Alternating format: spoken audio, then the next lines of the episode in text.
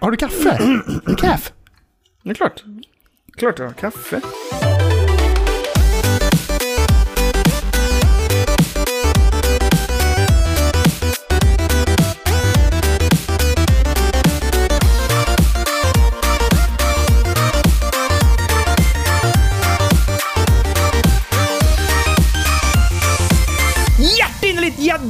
Välkomna ska ni vara till Spelberoende avsnitt 203. Här sitter vi, det är eh, varmt idag.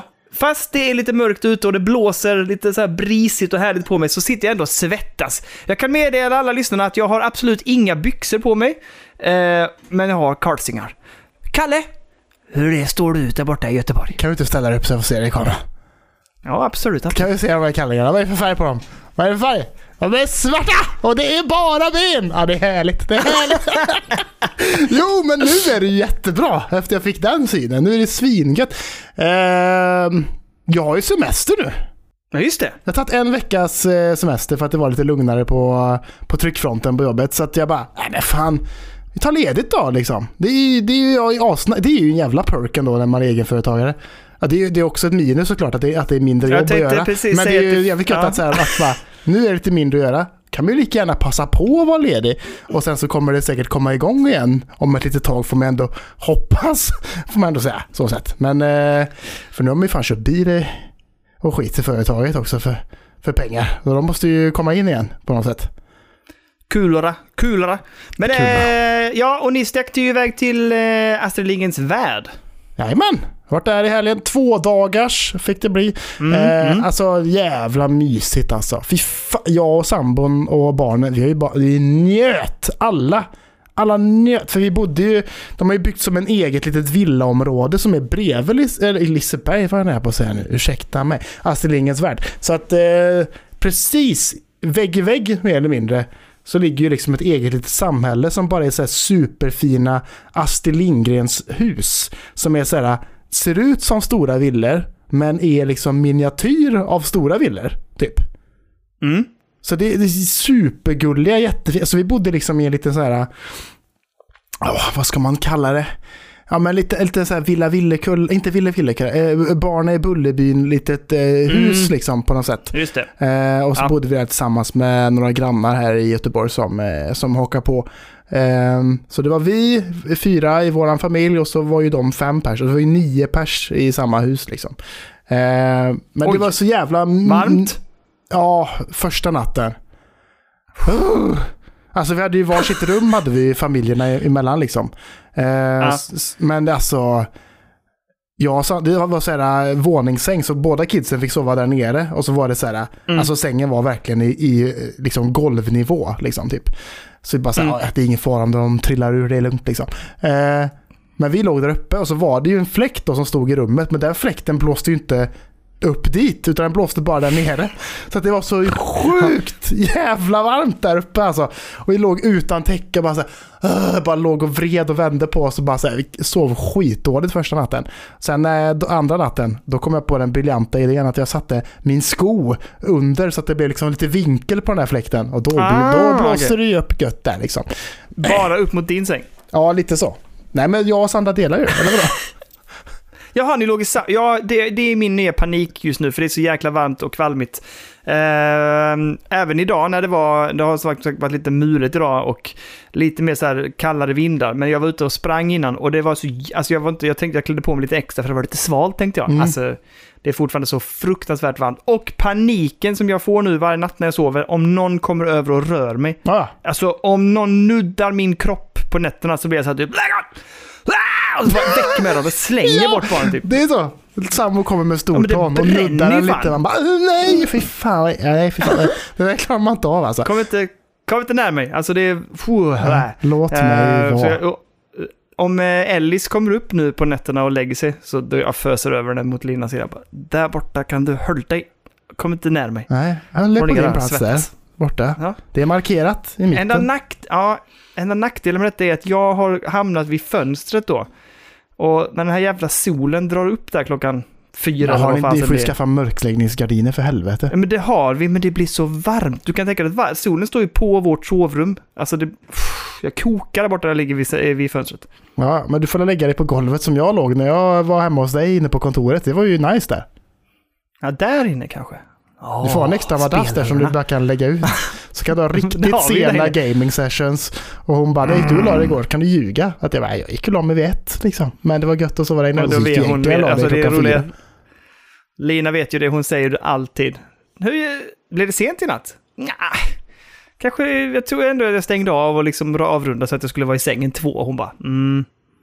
Och så kryddar vi det lite till va? Så kanske kvart i tre? Jag bara, "Ja, okej då." Alltså det är alltid, hon... Jag, jag försöker ju alltid sälja bak det lite. Så, ah, men två, alltså, vet jag ju själv att jag stängde ut av spelet för klockan var halv tre. Det var, någon, det var någon natt nu förra helgen tror jag, där jag igen fick den här paniken. Mm. När jag bara satt och göttade mig och sen så, så blir klockan så här 03.30 och jag hör ju så. Och det börjar bli, alltså du vet att man ser att det börjar bli lite ljust. Alltså det är ju det är fan en mardröm Ja, faktiskt. är jag, klar, okej. jag kan inte med det längre. Nej, jag förstår det. Åh, ja. Säg inte så, säg inte att det inte är okej. Men tänk på dina blodvärden nu för okej. fan. Det är inte bra för dem.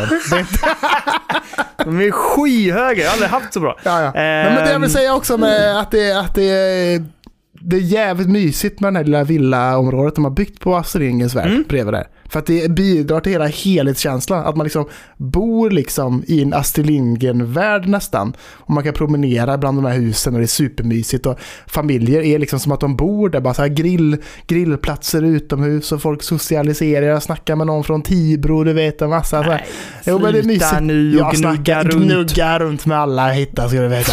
Fy fan. Och min dotter, min minsta där, Evi, hon är likadan. Hon bara promenera in i andras hem ibland. Gjorde hon. Man fick springa efter. Nej, nej, nej, nej, nej, nej. Hon bara så sprang in och skrattade. Jag känner Evi, hon, hade, hon gick ju raka vägen fram till kylskåpet och bara Här inne finns det grejer. Där finns det gött Evi. Men eh, så att det var nice. Och Astrid Lindgrens Värld var också super. Det är ju eh, en påkostad produktion får man ändå säga där inne. Fan vad fint. Mm. Eh, ja, Maja som var med, morsan till andra barnen i den andra familjen där. Hon sa ju det efter att man hade kollat på, eller när vi satt och kollade på Pippi Långstrump-teatern att bara så här, sen får man gå in i huset. Sen får man gå in i huset. Jag bara nej. Jag har varit här förr sa jag. Jag fick inte gå in i något jävla Pippi Långstrump-hus liksom. Sen Nähä. fick man det. Och det var Ah, jättefint där inne. Jag tänkte, jag tänkte bara att det här är ju bara kulisser och så har de kulisser teater liksom. Ja. Men det var bara här, Mhm. allt. Och så bara fick gå in i liksom, vad var vi mer inne i? Vi var inne i Emils hus, hans snickerboa. Jättefint inrätt och allting. Alltså kändes så jävla genuint och äkta på något sätt. Det var väldigt bra. Och skådespelarna gjorde jättebra. Alltså Anton Svensson, Emils pappa. Jävlar, den skådespelaren som körde den grejen. Han ska Ja. ju fan ha en fucking jävla Oscar alltså. Fan vad bra han var. Grym alltså. Men eh, smet du iväg och kollade på Bröderna Lejonhjärta? Nej, det gjorde jag faktiskt inte. Fan, Det där alltså. Det är ju nioårsgräns på den. mörkret. Ja, jag vet. Eh, Mio min Mio fanns det. Nej, Mio min Mio är frånvarande på Astrid Lindgrens värld faktiskt. Men är det för att det var någonting med... Fast det är ju hennes bok. Ja, men, men- jag vet att det var någonting med filmlicensen, att det var något så här co-op, tänkte säga. Nej, men det var någon collaboration som har gjort att det har blivit lite... Alltså det är inte lika lätt. Jag vet att de flesta filmerna ägs, ägs ut av SF liksom. Eh, men att den är någon sån där någon samarbete med någon annan eh, studio. Så Ja, där är det inte lika lätt med rättigheterna. För det är ju Men det kan ju inte ha med det att göra. eh, typ så amerikansk, schweizisk eh, produktion eller någonting. För Ja, det är ju, precis. det är väl, vad heter han nu då? Christian Bale. Christian Bale ja, som är den ene Ja. Mio eller vad fan han nu heter. Ja, jag vet inte vad han heter. Jag är inte så men insatt i Mio Mio Mio faktiskt. Nej, inte jag. eh, kommer inte ihåg heller. Nej. Men, det, Men alltså det jag var- minns det som en bra bok och en bra film. Kanske det är en väldigt bra låt i alla fall, den.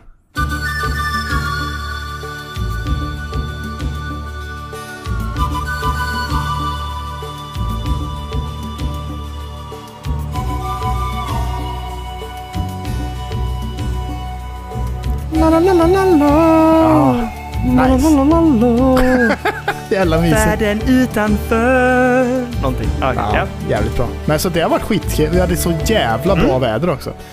Eh, jag tror att jag har fått börjat få lite hybris också. Det är väldigt, Så, både jag och min sambo sa det bara så här.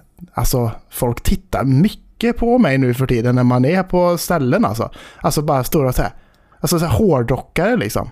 Tänk, fan det är, jag tror att det är, det är tryckeriet alltså. Det har börjat sprida sig. Folk börjar känna igen mig när man går på stan nu för Det är verkligen så. Sandra sa det bara, det, folk blegar alltså. De bara står, helt bara, Vad gjorde de? Blegar? de blegar.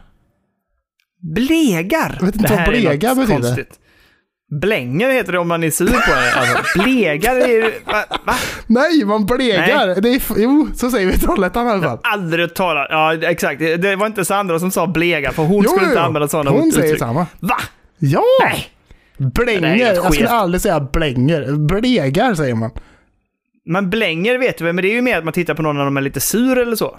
Han Ja, men- blänger ja, på men dig. Om man blegar då är det bara att man, man bara tittar helt utan att bara bry sig om att, att någon ser att man tittar på den. Liksom. Man bara så här.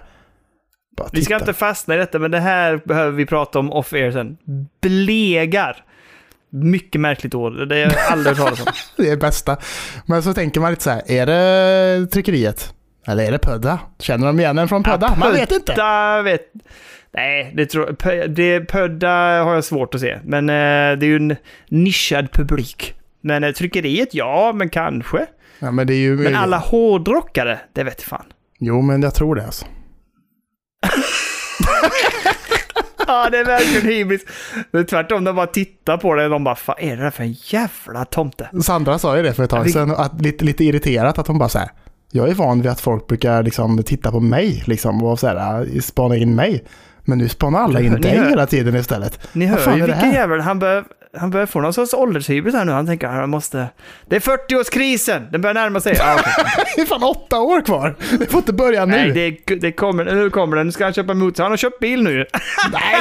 Ja, jo, det är sant. Vrålåket! Bara köra runt där. Du, du vet väl om Eh. att det är en Harley Davidson edition också jag har köpt. Det är riktigt... Eh, det är ju, Vadå Harley Davidson? Va? Ja, det, jag köpte en det? Volkswagen Caddy Harley Davidson edition. Finns bara 300 stycken ever made ska du veta. Ja, okej. Betalar du extra för det? Det är säkert. Säger vet inte jag. Det, han han la säkert på några det tusingar på det. Jag har ingen aning. Nej, okej. Nu, nu släpper vi det här, för nu glider vi långt ifrån det är vad vi är här trevligt att för snacka. ikväll. Det känns som att det var länge sedan jag pratade med dig. Det är gött att slänga käft bara. Ja, men det var länge sedan. Har du en trevlig midsommar förresten? Mm. Jo, men det var det, Mm. men det var... Vi tog det rätt lugnt liksom. För att eh, Mm. vi skulle ändå åka liksom dagen efter och köra hela vägen till Vimmerby. Liksom. Det är inte så långt, det är tre timmar, men vi bara så här, ja men... Ja, så vi, liksom, vi drack ju ingenting på dagen och så, så här, på kvällen tog vi liksom varsin bärs. Så vi var på ett mm. Mm. midsommarfirande där det var en jävla massa folk borta vid Gu- Gunnebo slott i Mölndal. Men eh, vi var där i Mm. tre timmar och sen åkte vi och badade och sen åkte vi hem. Typ. Ja. Ni då? Gött. Eh, nej, men vi körde ju någon sorts eh, liknande. Vi hade... Eh, vi stack och badade på förmiddagen och sen så drog vi hem och sen så gjorde vi det klassiska. Vi bygger en egen liten eh, midsommarstång eh, Åh. utav... Eh, oftast klär vi den med bambu. Den ser ut lite som en Children of the Corn eh, kors. Ja. Eh, men den, i år så lyckades vi smycka den med ganska mycket blommor och sånt så den blev liksom så ändå lite midsomrig. Men annars brukar jag vara ganska nöjd med att det ser ut som att vi är någon typ av kult Ja, som har satt någon sorts kors som vi ska elda upp på natten där. jävlar. Ehm, och sen så körde vi lite så här, gjorde lite egna kransar och götta och så, så käkade vi gött och så här. Och sen gjorde vi det klassiska, uh, jag och Lina som vi har gjort nu två år i rad, att vi eh, gick och satte oss på kvällen och kollade på filmen Midsummer ju. Ja, just det. Den är ju så god. Jävla det är ju så bra. Dunderfilm! Alltså, den är, men på riktigt, den filmen, satt, vi satt och pratade om filmen, att så här, det är fan en 10 av 10 film alltså. Herregud vad bra den är. Ja, den är ju grym. Det, det är ju... Det är så jävla gött emot slutet där när hon bara så här, nej. Fuck dig din jävel typ. Det är så jävla gött. Ja, när vändpunkten där, när man ser när, när hon till och med får välja ju. Ja. Eh, ska du välja att offra den här eller vill du offra den här? Det är ju en man breakup movie skulle man kunna säga. Ja, det, ja, för den är ju breakup move från start egentligen då. För det Ja. hela första samtalet är ju liksom så här om att han bara säger jag borde lägga av, jag borde dumpa henne. Ja. Och alla polarna bara ja gör det, dumpa henne! Och sen så händer en massa skit som gör att nej det går inte riktigt att dumpa henne kanske. Han är helt Ehm, jävla bränd, ja, men det- säger, säger hennes kompisar till honom. Nej, så. Ja, just det. Nej, men det, det är en jävla dunderfilm, så att vi satt och kollade den och hade gött. Och, så det blev väldigt lugnt här också faktiskt. Men det var trevligt faktiskt. Ehm, men eh, ja, oavsett vilket, Kalle, det är tisdag afton. Vi Ja. ska gå, vi ska liksom, vi ska köra igenom ett gött poddavsnitt och prata lite spel. Och eh, vi gör det genom att börja med spelnyheter helt enkelt. Jag tycker vi ska börja snacka lite Playstation. Eller vad säger du? Yes, please, please do. Vi har ju sagt att vi inte ska snacka någonting om hela jävla Playstation och Microsoft-fadäsen som håller på angående Activision, Blizzard och allt det där. Men det, det läcker ju grejer titt som tätt från detta. I och med att de håller på att kasta grejer mot varandra hela tiden. Och du håller på med den här grejen. Ja men du då, du håller ju på med detta liksom. Ja, lite, så, så Men jag vill på. också säga att jag har hållit mig, för det, det är ju hela tiden, det har hänt väldigt mycket. Det har varit mycket som har kommit fram och jag har liksom hela tiden, varje vecka, hållit mig från att prata om det. För jag var så här, jag vill inte liksom, ah, fram och tillbaka, fram och tillbaka. Men det har ju varit jättemycket den senaste och det fortsätter komma ut jättemycket nyheter om det. Så att, kör Kalle! Det var Ja. länge sedan så att jag tycker det är legitimt att vi pratade lite kort idag. Ja, men att vi ska hålla oss borta från liksom the progress of det liksom domen om de kommer få köpa Activision Blizzard eller inte. Utan nu snackar vi om subgenrerna av Huh? the case. Så vi kommer liksom hoppa in på lite små, små grejer som har kommit fram från att de har jabbat mot varandra så att säga. Och då har det ju kommit Ja. fram då att eh, de har snackat en del om det här Project Q som avtäcktes, den här kontrollen, Playstation DualSense-kontrollen med en skärm helt enkelt. Ja, just det. Ja, ja. Eh, och då har de ju då snackat om eh, priset på den enheten Mm. under rättegångarna. Och eh, där Microsoft tydligen vet om att eh, Sony kommer att eh, sälja den för under 300 dollar i alla fall. Har de sagt. Oh, det, blir, kommer, det kommer ju hamna på 3,5 i Sverige. Garanterat, tänker jag. Och det är ju fortfarande alldeles för mycket pengar skulle jag säga egentligen. Ja, det är ju en För switch. någonting som bara funkar att spela cloud eller liksom remote Mm. play med Playstation 5. Mm. Eller? Så egentligen kan man säga hemma ju. Alltså du kan ju bara spela det hemma. Ja, ja. Så är det. 3 500.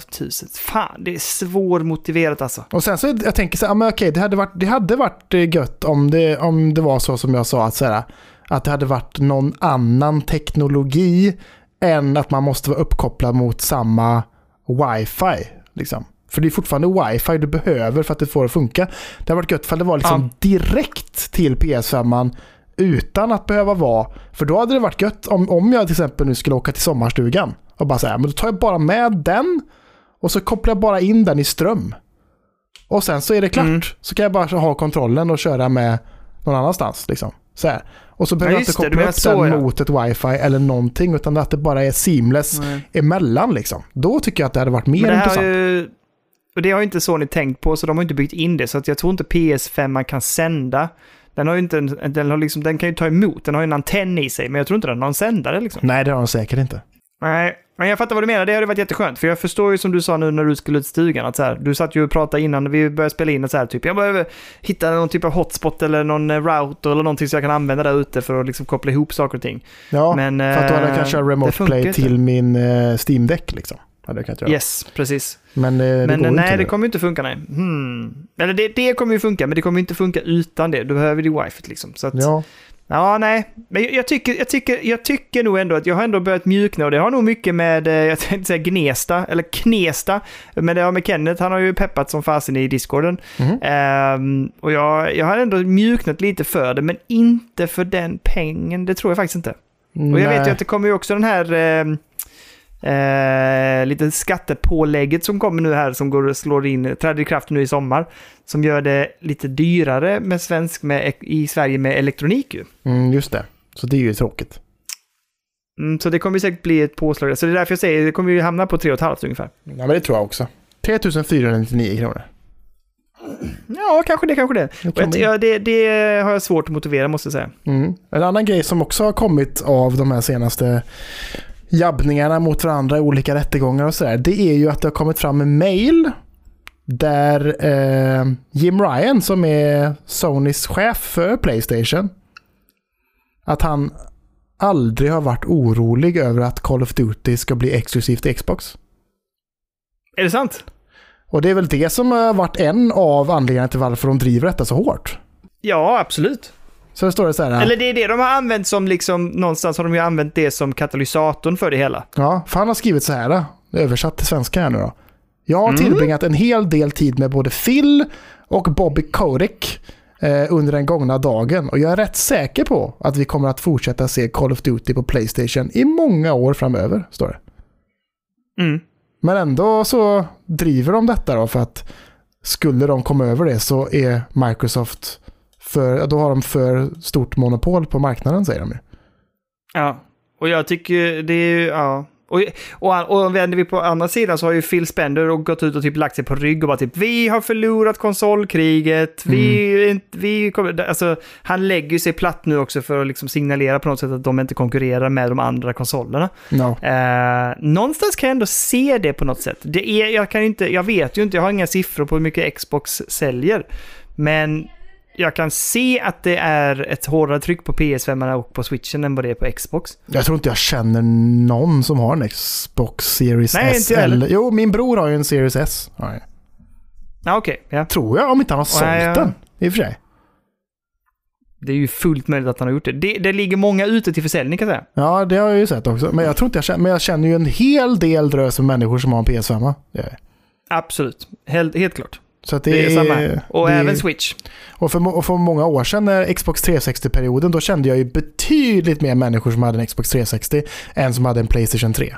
Det känns som att Xbox One inte sålde så bra heller, eller? Nej, det, det var ju där de förlorade allt, skulle man kunna säga. Ja. Det, det gick ju käpprätt det- åt ja. helvete. Daniel. Ja, det är så. Ja, ja alltså de, Men, det, det var ju där eh, de slutade gå ut med hur många konsoler de har sålt också. Så de har aldrig Mm. gått ut officiellt med hur många Xbox eh, One eller Xbox Series-konsoler de har eh, sålt efter det.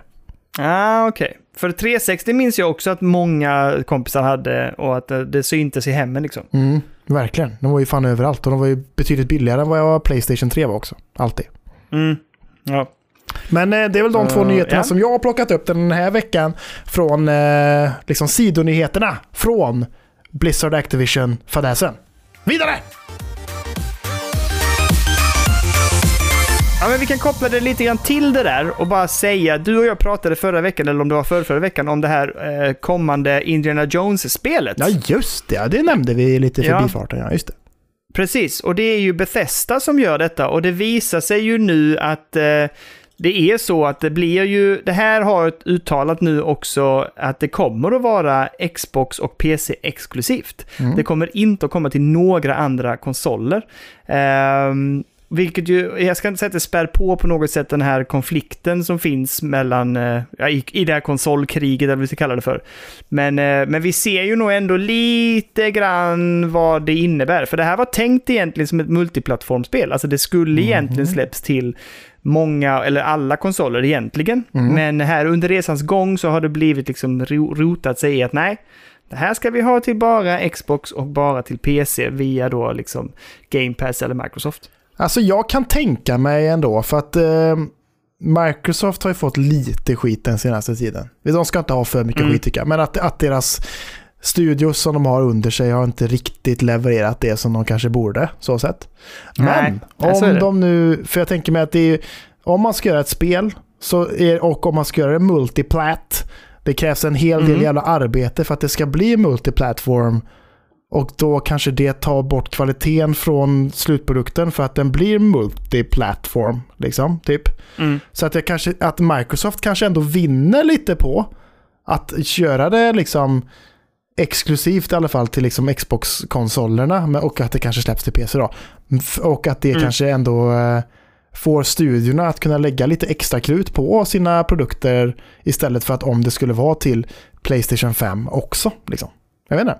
Mm. Alltså det, det finns lite, det diskuteras en hel del på olika eh, plattformar om just det här som du pratar om nu. Att det finns en vinning i att de droppar de olika plattformarna så att de kan satsa på bara vissa och jobba på det fokuserat. Mm. Men man pratar också om att det drar ifrån lite grann spelstudiernas möjligheter att sprida sina spel.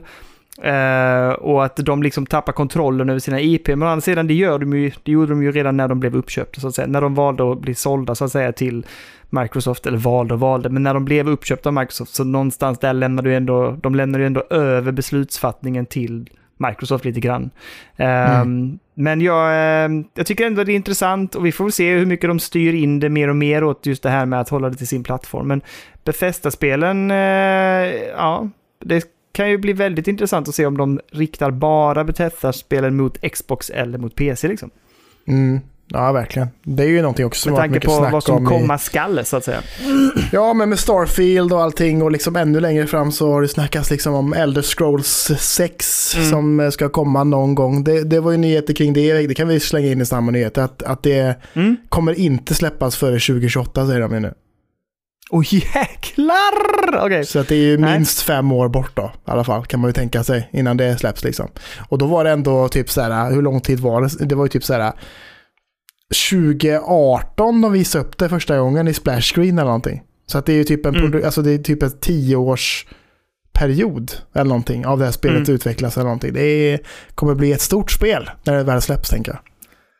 Absolut. Ehm, är man pepp på det? Ja, kanske. Alltså Elder Scrolls Skyrim var ju, det var ju fantastiskt Ja. och det är ju extremt jävla hyllat med all rätt egentligen. Så, Spelade aldrig, jag spelade aldrig klart det. inte jag heller, jag var vid slutbossen. Va? Ja, okej. Men jag, var nog för så underlevlad så för jag bara såhär, nej det här kommer jag inte orka grinda upp min karaktär för. Så att jag skit dit. Nej. Jag tror att jag tappade farten för jag var ganska god bit på vägen och sen så hamnade jag på sådana här sidouppdrag där jag bara såhär typ oh det här verkar roligt. Mm. Och du vet sen bara hamnade på villovägar och sen bara åh, nej jag släpper det här nu. Vad jag, var det jag skulle göra för något?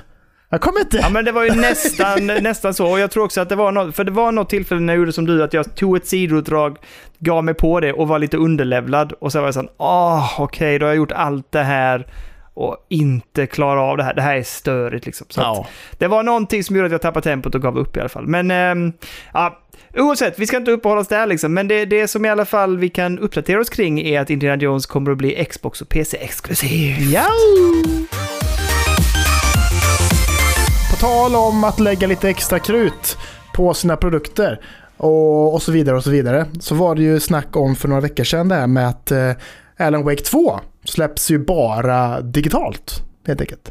Just det, ja. Och det har de snackat lite mer om i veckan. Att eh, det kommer vara bra för slutprodukten att spelet bara släpps digitalt. För det innebär att så här, ja, men ska de släppa en skiva, då måste de ha en färdig produkt som ska ligga på den skivan. Mm. Medan nu då, så behöver de inte tänka på det överhuvudtaget, utan nu kan de jobba fram till dagen innan att spelet släpps. Att bara säga finputsa, finputsa, finputsa. Och sen dagen efter så släpper de den produkten. Och så kan de släppa en så liksom optimerad produkt som bara möjligt. Och för spelarnas vinst då. Till en billigare peng. För att de inte behöver lägga pengar på att trycka upp en jävla massa skivor och fodral. Och Mm. det ska tryckas papper. Och det ska tryckas skivor. Och det ska brännas på skivor. Och det ska grejas. Och hålla på. Och det ska skickas. Och du behöver inte tänka på någonting av det där. Liksom att saker ska fraktas. Och att det ska göras liksom exklusiva utgåvor där det står lite på svenska på baksidan och finska och norska och danska på samma gång och liksom det blir stökigt och sådär liksom. Så då kan de fokusera all den tiden på att bara leverera en ännu mer finputsad produkt helt enkelt. Alltså det enda jag kan se som en fördel med att man har det på skiva, det var ju det att du, alltså när du gör sådana här builds, jag vet att Lina har pratat mycket om det, att de liksom så här, de har ju ett datum där, så här, där nu blir det fingrar av. Nu måste det, det här ska levereras detta datumet. Mm. Det innebär att inga ändringar får ske efter detta datumet. För att om det gör det så finns det ju kanske inte riktigt så mycket tid att testa det. Så Nej. att då finns det ju viss risk för att det blir bugg eller krasch eller så här. Ehm, och på något sätt när du var på skiva så var det så. De var, man garanterade ju sig att nu funkar det. Och Mm. nu rullar det. Och sen kan man uppdatera efterhand sen. Eh, jag tror ju inte att de kommer att riskera detta och det tror jag inte många stora studios gör. Men, men just det där fingers off, att det blir ju risk att man pillar och rotar för mycket i det och att man är för nära släppdatumet och gör sådana här tweaks som inte sen visar sig så optimerade. Nu tror jag återigen inte att de kommer att göra det, men jag kan se att det var en av fördelarna med att det Gone Golden, alltså liksom att man hade boom, en skiva liksom som det rullade för er. Ja men det var ju bra och det är väl liksom så som Nintendo förr i tiden att de hade sådana jävla konstiga Ja. format liksom. Men så här att spelen släpptes på Super Nintendo-kassetter och Nintendo 64-kassetter och sen de här små Mm.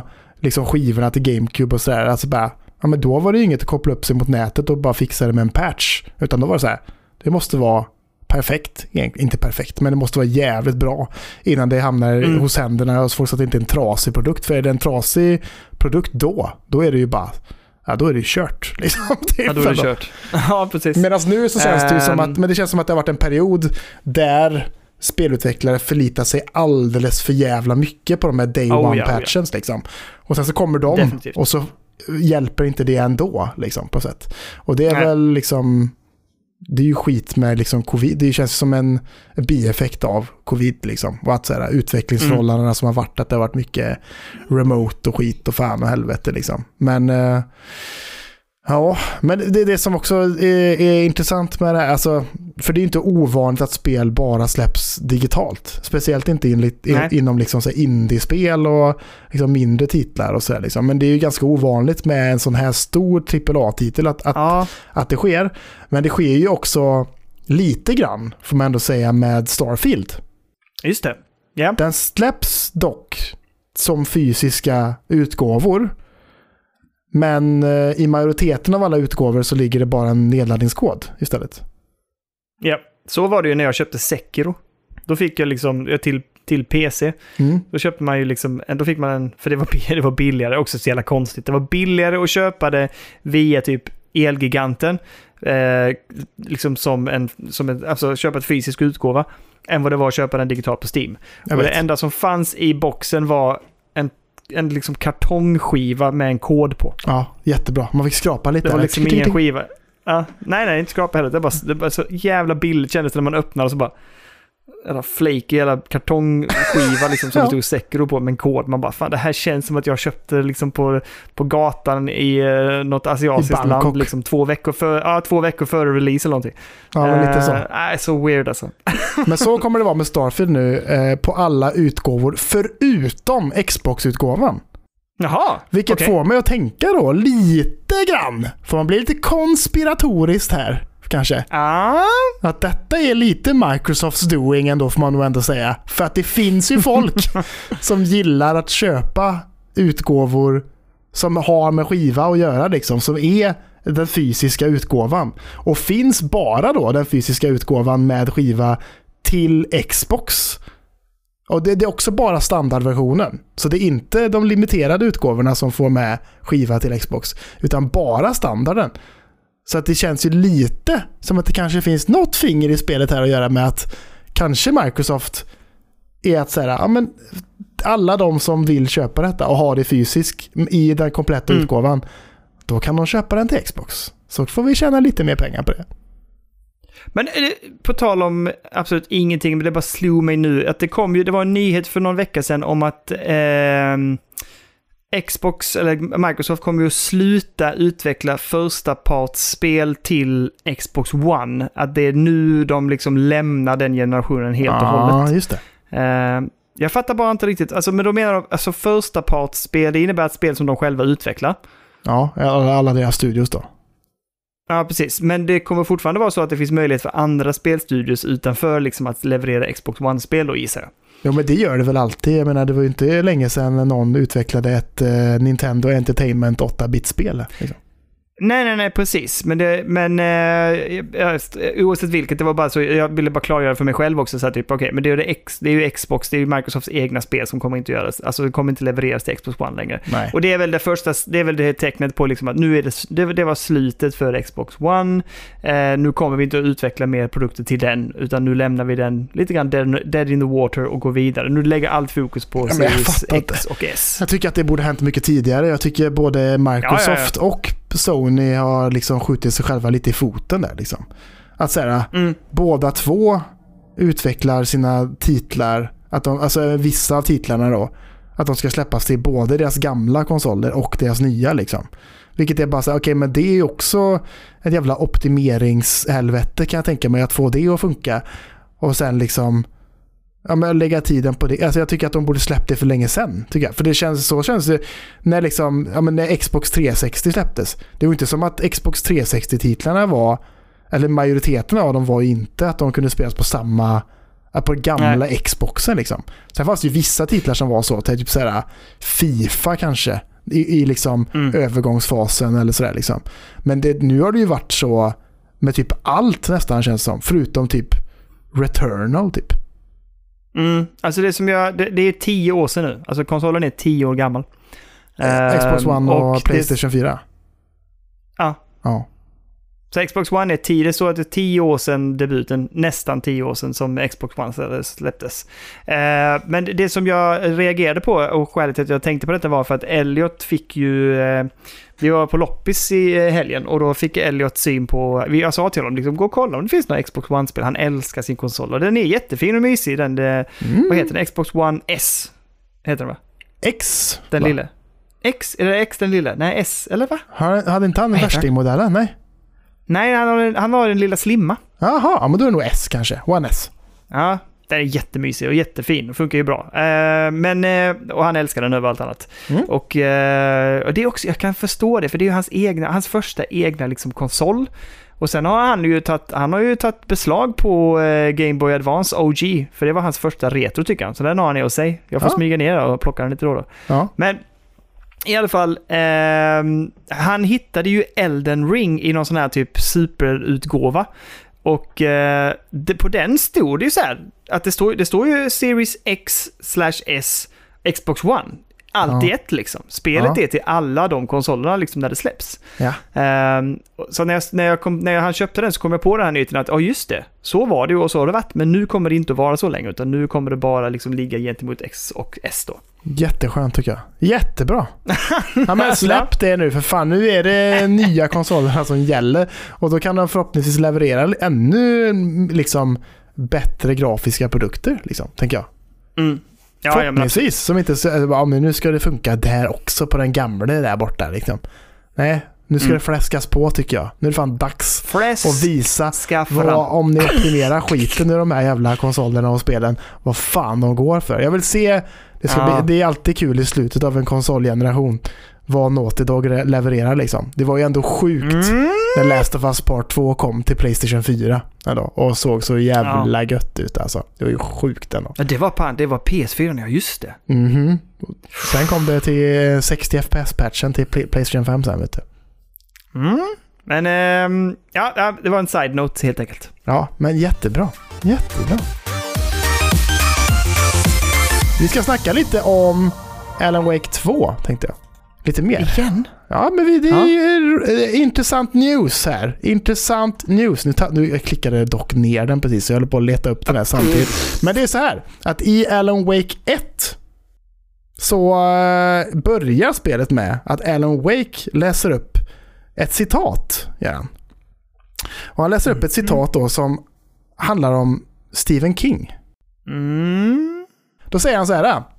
Stephen King once wrote that nightmares exist outside of logic, and there's little fun to be had in explanations. They're antithetical to the poetry of fear. Och sen säger han lite mer och sen säger han I am Alan Wake and I'm a writer. Typ så här. Och då ah, okay. är the big news om detta är då att det är Stephen King som har skrivit introtexten till spelet. Snyggt! Och the big, Bra. big news, Daniel. The big news! Ah, ah det är hur mycket Remedy fick betala för att han skulle skriva den här introsekvensen. Vad tror du? Nej, uh, nej, jag vågar inte gissa på en siffra. Han fick säkert svin mycket. Jag tycker han borde gjort det helt jävla gratis. Nej, okej, okay, nu överdriver jag kanske, men han fick säkert hur mycket som helst. Men, släng 10 till. miljoner! 10 miljoner! Ja. En dollar. Fan, bra Stephen King! En dollar bad han om. En dollar så har ni all ah, rätt till den här texten och ni får göra vad ni vill med det liksom. Ja, det är bra Stephen King. Det här gillar jag. Alltså han verkar ändå ganska skön. Jag har följt honom på Twitter ett tag och han har varit jäkligt politiskt medveten och framförallt extremt rikt, alltså väldigt kritisk mot de högerpolitiska vindarna i USA och eh, jag har uppskattat det. Han har varit väldigt rakt fram också och väldigt mm. så rakt på sak. Han skräder inte orden om ex-president eh, Trump och så här och jag gillar det. Så att eh, han, nej fan, nu fick han cred! Jag gillar detta. Bra snubbe, bra snubbe. Nej men jag tror också, han är grym alltså. alltså det är sjuk, har inte han någon sån här sjuk jävla arbetsmoral också. Han, vad, vad är det han har? Han har någon sån här regel för sig att han... Vad fan är det han har? Att han typ såhär, han skriver alltid sina böcker typ och så har han alltid en tom vägg framför sig. Så att hans hjärna ska Aha. vara liksom helt fri från allt annat så att det bara är liksom fokus på att skriva böcker liksom eller någonting. Jag har för mig att det är någon sån konstig alltså, grej. Han har ju varit extremt produktiv och han har ju verkligen liksom hamrat ur sig böcker. Eh, men, och det finns ju en extremt rolig sketch i Saturday Night Live när det är en som ska porträttera liksom honom och så han sitter, han, vid, han sitter i köket och så bara I wonder what my next book will be about. Och sen blir han så här överentusiastisk om en stekspatel. Han bara It's about the magic spatula! It's gonna kill your ass! Och så hugger han sig själv med den och sen så han bara But maybe The next book after that will be about... Och så bara hittar han typ någonting annat, typ så här en, en duk och bara typ Oh, they wrap themselves around the neck of... Ah! Och, så han på sig, och så bara typ hamrar de ut så här, idé på idé från ingenting liksom. Och det är väl lite det som har varit hans roliga grej, liksom. Att han har varit så produktiv och att det har kommit så många olika idéer så väldigt snabbt. Men, men det känns ju som att det mesta ändå har varit ganska hyllat, eller? Också.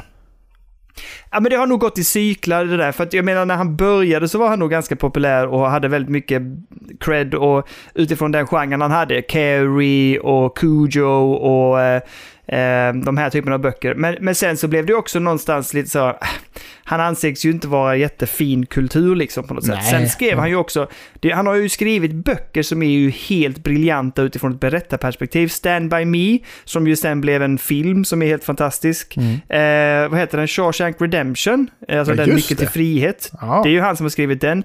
Den gröna milen, som också är en sån här dramaturgiskt otroligt fin och bra eh, berättelse och som sen också blev en jättehyllad film med Tom Hanks bland annat. Mm. Så han har ju skrivit de här böckerna och sen ska vi inte prata om Lida, men då är det inne på mer skräckfilmerna. Liksom så här. Men den vann väl till och med, jag tror inte, och kanske inte Oscar, men den vann ju priser för liksom bästa någonting bla bla bla och bästa skådespelerska och så här. Så, att, mm. så han, har ju, han har ju blandat sig i det hela och han är ju en jättehyllad skräckskribent helt klart och har ju verkligen skrivit mästerverk och klassiker.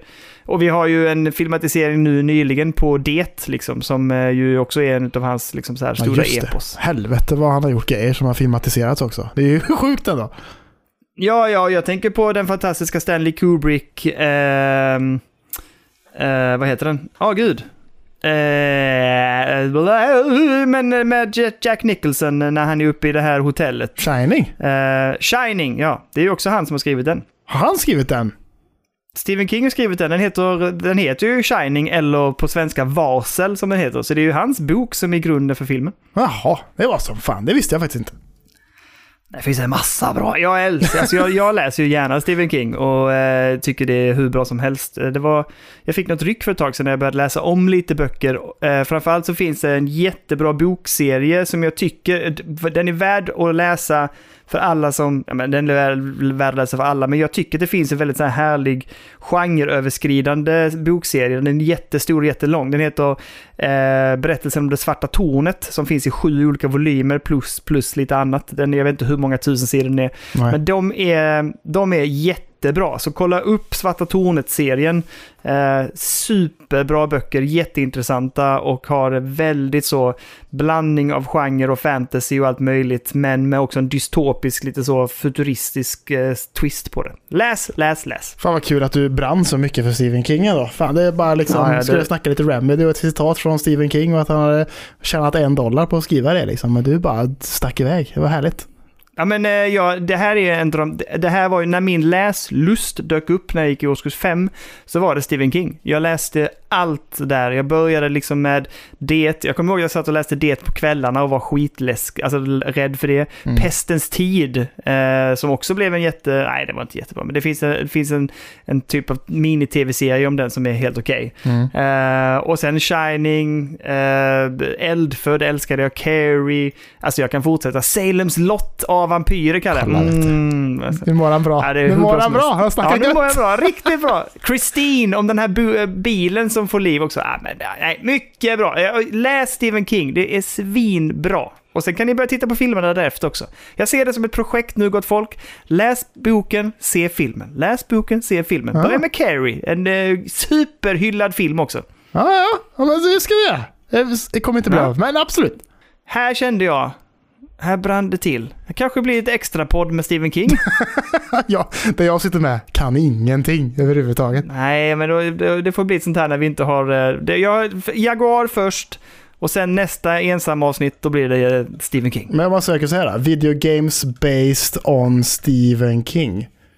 Oj! Vad har vi för något? Every Stephen King finns video det? game. Oj, oj, oj, oj, oj. Va? Vadå, finns det flera? Det vet inte jag. Ingen aning. Jag är inne här och tittar nu. Är mycket gammalt kanske. Nej, jag vet inte fan. Det, Nu- känns det som att det nu borde är vi finnas off en del. topic igen här. Stephen King Video någonting. Games. Ja, det är mycket gammalt. Jag tror fan... Undrar om det finns... Nu, nu är vi off The topic Running här. Man. Tillbaks på Har spåret han nu. gjort den? Alltså den, har du, du vet om att den eh, Arnold Schwarzenegger-filmen, The Running Man, är ju också egentligen baserad på, den är ju, den är ju liksom löst baserad på Stephen Kings eh, The Running Man. Ja, det är han som har gjort den. Den är faktiskt jätte, den, är också, den boken är riktigt bra. Ja, för nu har jag en jävla massa Åh. video games här i alla fall, Daniel. Som är Stephen. King-baserade då. Så det är ju The Mist, The Running Man, eh, The Ja. Dark Half. eh, Oh ja, oh ja, oh ja. The Lawn Mower Man har vi. Ah, den är, tycker jag inte om. Den gillar jag inte alls. Och sen har vi, vad Men det är också mer? en jättekonstig filmatisering på en helt annan typ av bok. Men alltså det är en kort berättelse i en, en, en antologi liksom, utav massa korta berättelser som de gjorde någon jävla spin-off Fan, här har vi på. någon som har gjort en jävligt rolig topp 10-lista. Top 10 King Aha. Novels That Should Be Video Games. Ska jag läsa för Ja, dig? det är bra. Här har vi. Okej, n- nummer 10. Cujo. Att det ska vara ett trivia game, Ja. står det också. Trivia Game i Cujo. För Cujo är ju den här eh, typ så här galna hunden som ju attackerar folk. Ja, ja, jag vet inte varför det står trivia, står det bara. Jag vet inte heller kanske om hundar och galenskap och rabies. Kanske. nummer 9. Salems Lot. Och det ska vara en sandbox, står det. Eh, det kan jag tänka mig, för då är det, men det är ju det som lite grann är, eh, vad heter det, det här dåliga spelet från, som släpptes på Xbox nu. Det är ju, Salem Slott är ju en Ja, stad som är isolerad.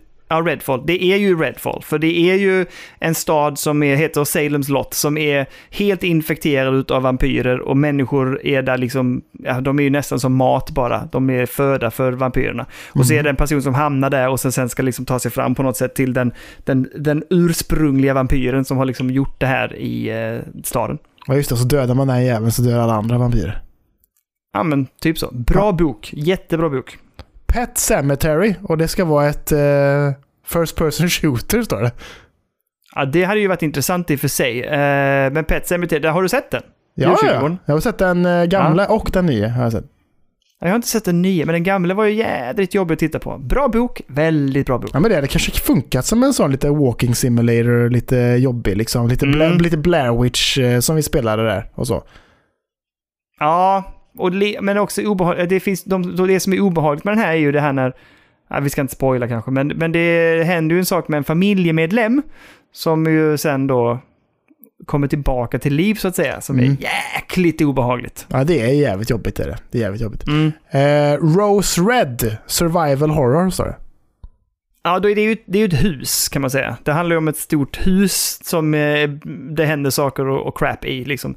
Ganska dålig filmatisering, helt okej bok. Men, men eh, jag kan se att man ska försöka överleva i huset, absolut. Alltså det är en väldigt bra lista detta, att jag läser upp detta och att du kan alla Stephen King-grejer.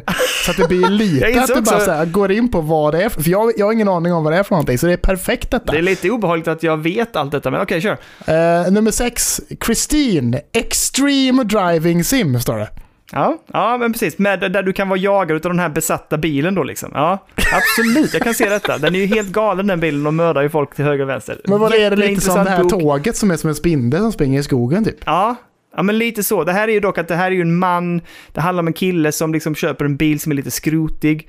Men sen så blir han också i sin tur lite grann besatt utav det och bilen är ju levande så att säga och den liksom på något sätt göder sig på lik, eller vad man ska säga. Den äter inte det, men den kör ihjäl människor och så här. Ja. Mhm, den, den blir man ju sugen på att se ändå, får man väl säga. Jävlar. Ja, men jag tror inte filmen var så bra om jag minns filmatiseringen, men boken var jättebra. Okej, nummer fem, The Dark Tower, Action RPG. Men där har vi alltså det här är ju, det här skulle du kunna göra enormt stort. För det här universumet är så jäkla coolt. Återigen, det det här är ju det svarta tornet. Det här, alltså den, den världen är svingrym. Eh, det, du är ju, det börjar ju med att du är liksom en gunslinger en vilda, i vilda västern typ och du är på jakt efter. Den första boken är sjukt cool. Där du är liksom på väg, du jagar en, en person som heter Mannen i svart. Och sen färdas du genom en öken. Och sen efter det så hittar du en dörr på en strand. Bara en dörr som står rakt upp upp och ner. Och om du går runt dörren så är det inget speciellt. Men när han öppnar den så färdas han in tillbaks till, eller då färdas han framåt till vår tid, nutid. Mhm. Och därifrån så drar han med sig personer in. Detta är andra boken. Och sen händer det en jäkla massa. Eh, och det handlar om att han ska försöka ta sig fram till det svarta tornet. För svarta tornet håller ihop världen. Och den håller på att just nu eh, förstöras. Och på något sätt kommer då hela den här världen att också gå under med det här svarta tornet. Ah, skitbra. Det här, det här är ett rollspel, verkligen. Ja. Jag kollar trailern just nu bara på, liksom, för det har ju släppts som film tydligen. Eh, ja, men den är inte alls lika bra och Nej men inte det ser ju alls lika coolt ut. detaljerad. Jag får, jag får ju en Ah, okej, bild okej. av vad det här är för någon värld i alla fall. Och det ser ju mäktigt ut ändå, får man säga. Ja, men det, jag älskar de böckerna. Coolt. Nummer fyra. Misery. Tower Defense.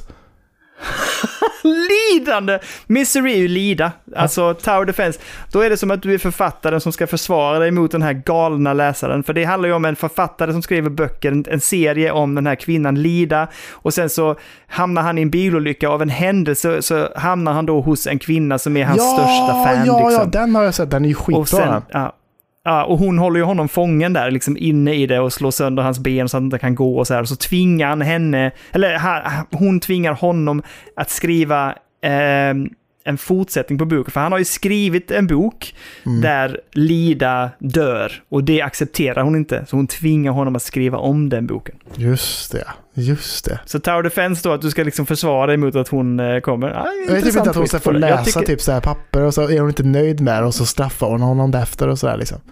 Jag tycker att det borde vara mer lite grann som du vet i Resident Evil 7, när, eller eh, vad heter den? Ehm, eller Resident Evil, jo 7, där du vet när du ska försöka ta dig ut ur huset och man ser pappan gå runt och sånt. Det är Ja. lite mer den skräck jag skulle vilja ha, där du, du, du, bara, du ska försöka ta dig ut från huset. Jag håller med. Horror game borde det vara liksom. Egentligen. Ja, ja. Eh, nummer tre, The Green Mile, Construction and Management Simulation.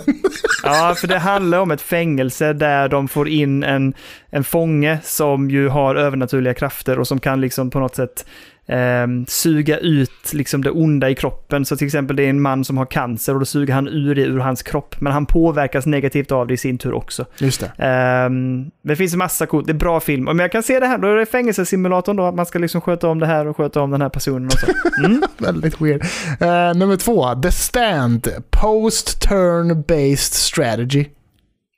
Pestens tid. Mänskligheten, liksom större delen, typ så här 90% av mänskligheten dör utav en pest. Och sen så handlar det om hur eh, samhället byggs upp därefter och, och där återigen finns den här mörka, the dark, the man dark så att säga. Eh, jag tror han är också stark. Alltså inte samma. Han, han går igenom en hel del av Stephen Kings böcker. Han finns där på något sätt som en dålig eh, omen på något sätt och en dålig person. Han är ju med här också som en av de här som onda som försöker göra världen till någonting ont istället. Mm. Ja, Ja, men det hade funkat som ett mutantliknande turn-based Absolut. kanske. mm. Nummer ja ett kan då. se. Shawshank Redemption, Third Person Stealth Action. Att fly från fängelset, ja för det är det man gör ju. Han, han gör ju olika saker och manipulerar fängelse, bla bla bla, och sen så ska han då ta sig ut ifrån fängelset. Okej, okej. Det kan funka. Ja, men det är ju roligt topp 10 Vad hä- ändå. Men eh, ja, fan det kanske kommer. Vad Mer hände med det? Jag skulle vilja ha haft det som en typ av eh, så här teen, teen slasher-grej. Lite som, eh, vad heter den? Ehm, eh, Fredag den eh, 13. Nej, men Dawn of, eller vad heter den? De här, du vet de här spelserien som har gjort en massa, som Jaha, du och jag började spela. Att spela. Ja, Eller? nej inte Dead by Daylight. Nej, nej, nej, nej. Alltså, Du fan och jag heter det? spela. Ja, där du är ett gäng tonåringar som åker till ett hus och Jaha, sen så händer det grejer. Det, det, vad, heter, det, vad heter det? Någonting Until Dawn till exempel. Until Dawn, jag tänker mig det som en typ av Until Dawn. Ja, det hade fan funkat alltså. Ja, för då kommer du hamna på olika platser och så kommer då liksom det med som är din värsta mardröm och så måste du fly ifrån den och misslyckas du fly så dör du och så blir det så här. Alltså, Det hade ju Typ bli obehagligt Dawn- på riktigt, tänker jag. ja, Until Dawn, men med det istället. Det tror jag på. Ja, absolut. Absolut. Grymt. Ska vi- Herregud vad vi hamnar off topic här. All right. Ja, fan alltså jä- jättemycket off topic, men det, det är skitsamt. Jag, får jag ta min sista nyhet, eller har, har du något mer eller? Jag, jag vill bara säga att det har droppat nu ju att äntligen verkar det som att Metal Gear Solid 4 kommer att lämna fängelset som var Playstation 3. Mm, Därför Precis. det har gått, du har sett det kanske, att det har kommit lite så här, droppat lite olika typ Twitter-inlägg och ett misslyckat liksom så här, de la upp någon sida på Steam och då visade det sig att det, det lutar åt att det kommer typ en, en Metal Gear Solid Master Collection Volume 2, mm. där då eh, fyran och femman ska vara med i den collectionen istället.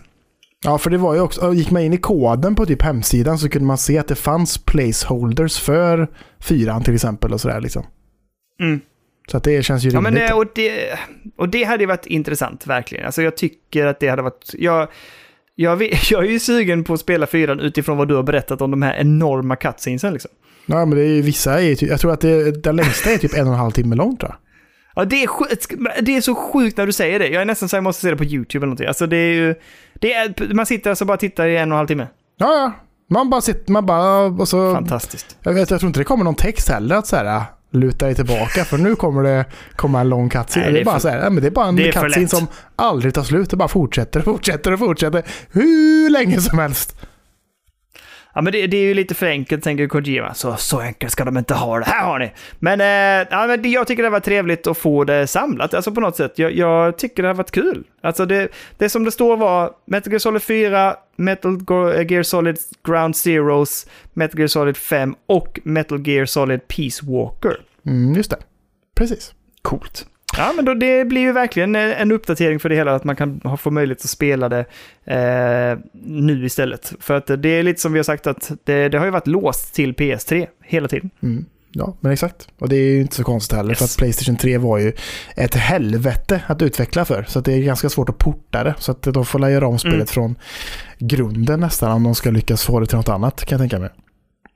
Ja, precis. Mm. Men eh, kör sista nyheten. Det är ju då att eh, Shuntaro Furukawa har varit ute och snackat lite gött. Och han är ju då president över Nintendo, Denny. Mhm. Han går ut med den eh, glädjande informationen att de i alla fall har planer på att göra en smooth transition för kunder av Nintendo-produkter som till exempel har då en Nintendo Switch. Att de seamless Mm. ska ta över sin profil från Nintendo Switch till nästa konsol. Så man behöver inte starta en ny, Mm. utan man har samma profil med samma köpta spel då kanske potentiellt förhoppningsvis och att eh, man bara kör på vidare med samma konto. Och som de skriver i artikeln är ju så här, det här är ju någonting som Microsoft har kört på sedan Xbox 360 och Playstation 3-tiden. Aha. Men det är ju ändå skönt att Nintendo nu då, 2023, 2024 har lite planer och tankar och förhoppningsvis kommer det gå att de också kör på samma grej i alla fall.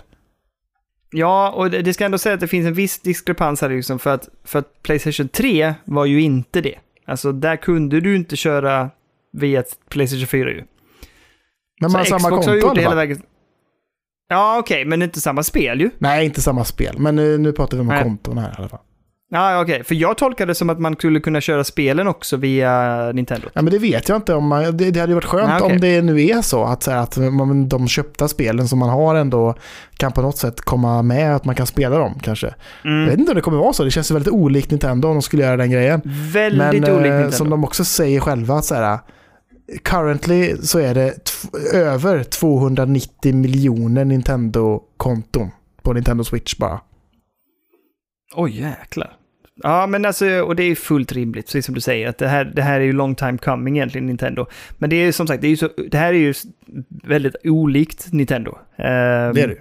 Så att eh, jag tycker det är väl fullt rimligt, och det är väl dags att komma med i tiden liksom. Ja, men det är väl också förhopp- förhoppningsvis så tänker de väl kanske att det kanske kan vara värt för dem att ta med storheten som Mm. Nintendo Switch har varit och alla de Oh, kunderna som har alltså att, att de kan ta med sig sitt konto och bara så här, det är bara att logga in så kan du bara, Mm. så är det bara färdigt liksom. Kan, alltså, det, jag har svårt att se att spelen skulle funka och följa med. Det vet jag inte. Men att så här, Vissa det är samma skulle konto kunna funka. och du har samma kontouppgifter och allting bara är, är så liksom. Bara det är ju ändå smidigt liksom.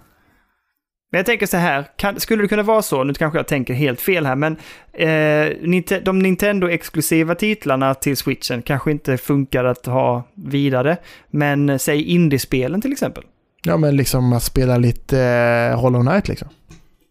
Ja, eller eh, ja, men, ja, vilket spel det nu må vara. Men de, de kanske skulle kunna funka och flytta med till nästa konsol. Det hade varit väldigt gött ifall Tears of the Kingdom funkade på nästa konsol också. Att det funkade smooth istället för att det liksom chaggar ibland.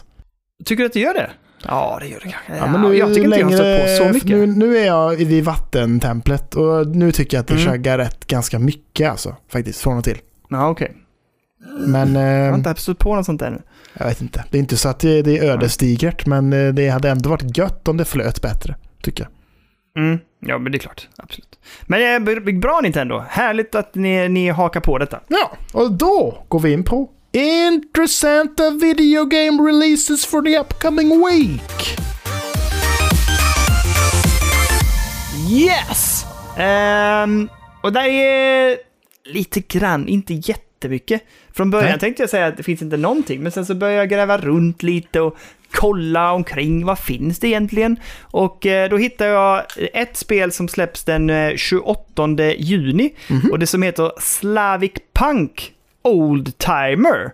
Eh, och det är en typ av, ah, vad ska man kalla det för? Det ser ut nästan som en Twin Stick Shooter-aktig sak, slash XCOM-ish, men det är ingenting med rutnät eller turordningsbaserat, utan du rör dig runt i den vyn som man gör i XCOM-spel.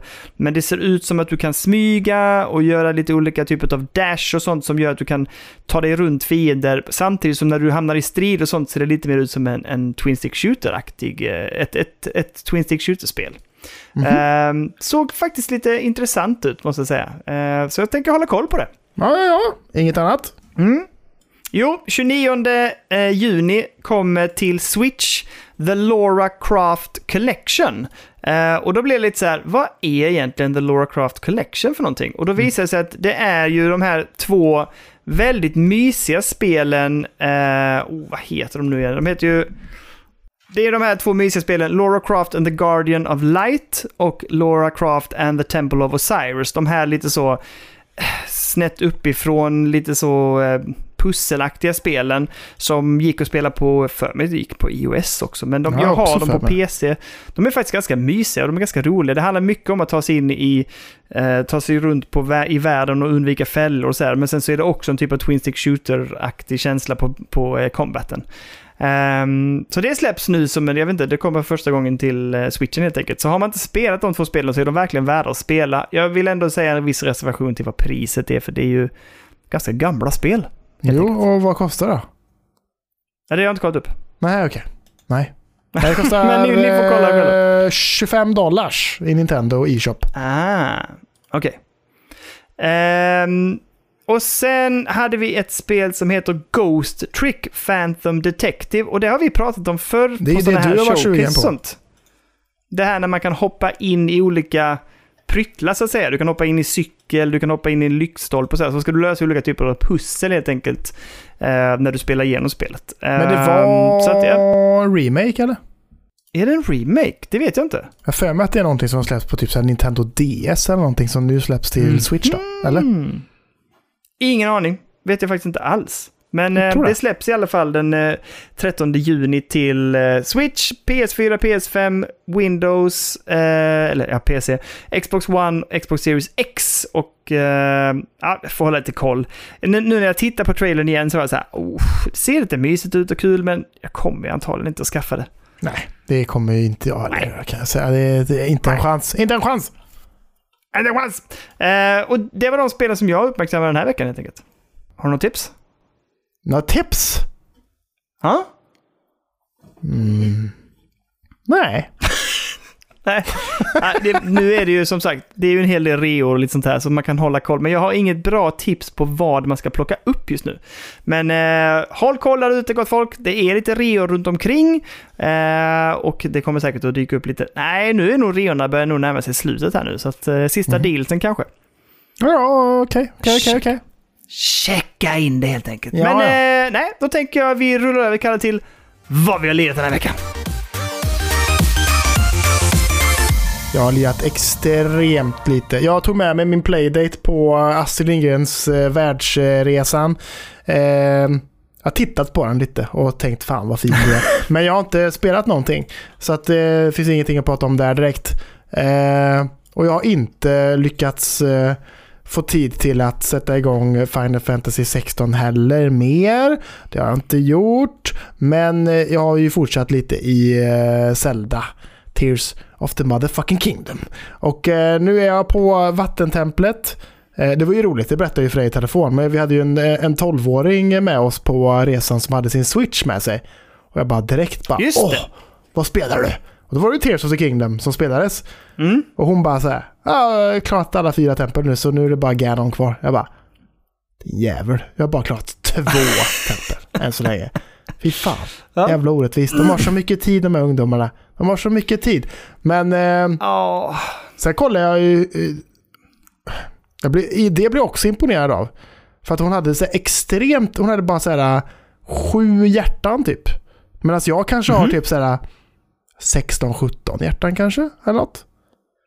oj, har du så mycket redan? Ja, och då tycker jag ändå att det är svårt fortfarande. Men, fan, har du två ringar? Hur jävla många tempel har du gjort?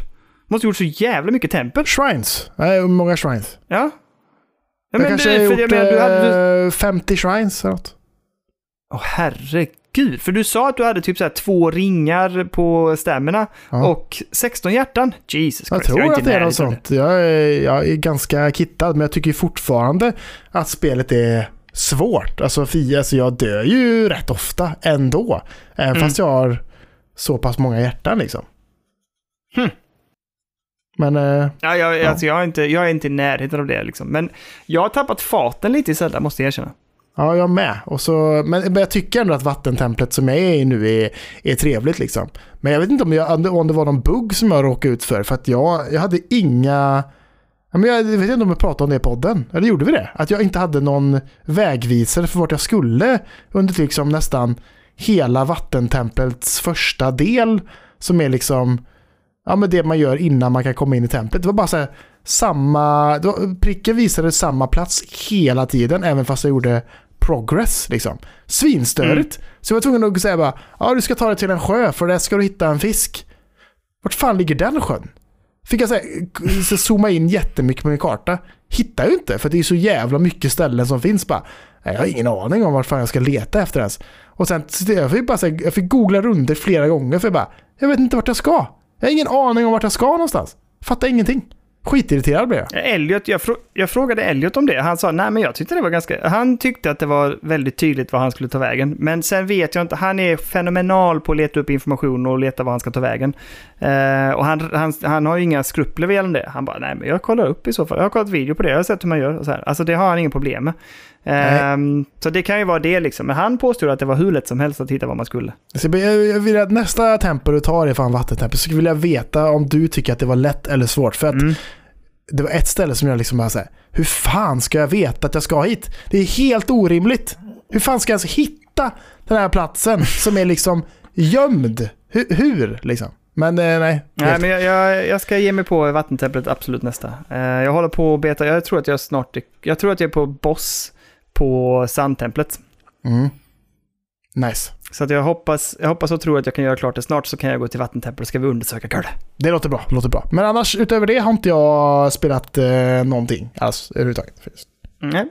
Eh, jag har ju spelat vidare i Final Fantasy 16 och eh, behöver inte tjata så mycket om mer än det. Jag tror att jag nämnde det förra veckan, liksom att, att eh, det fortsätter ju vara riktigt episkt och bara hamra på med action. Mm. Och eh, bra berättande, bra röster, bra grafik, det är bra action. Jag tycker, jag tycker de gör allting rätt just nu. Alltså det här är precis ett sånt uppdatering av Final Fantasy som jag ville ha. Mm. Så att, eh, det är bara jätte, jättebra och jättetrevligt. Och det... Eh, jag, jag är peppad på att spela vidare liksom. Men det hände ju en grej då, som sagt. Elliot köpte ju Elden Ring och jag eh, tittade på när han spelade. Och jag ringde ju till dig och sa det att, eh, jag skrev i Discord också, alltså...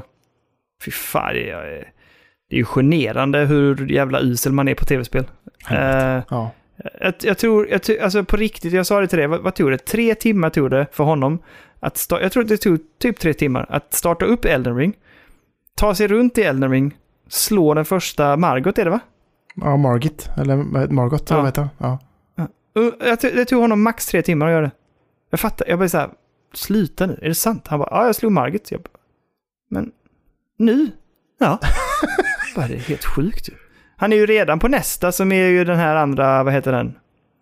Eh, den heter inte Margit, den heter ju någonting annat liknande liksom. Ja. Den heter väl Marg... Ja, någonting i alla fall.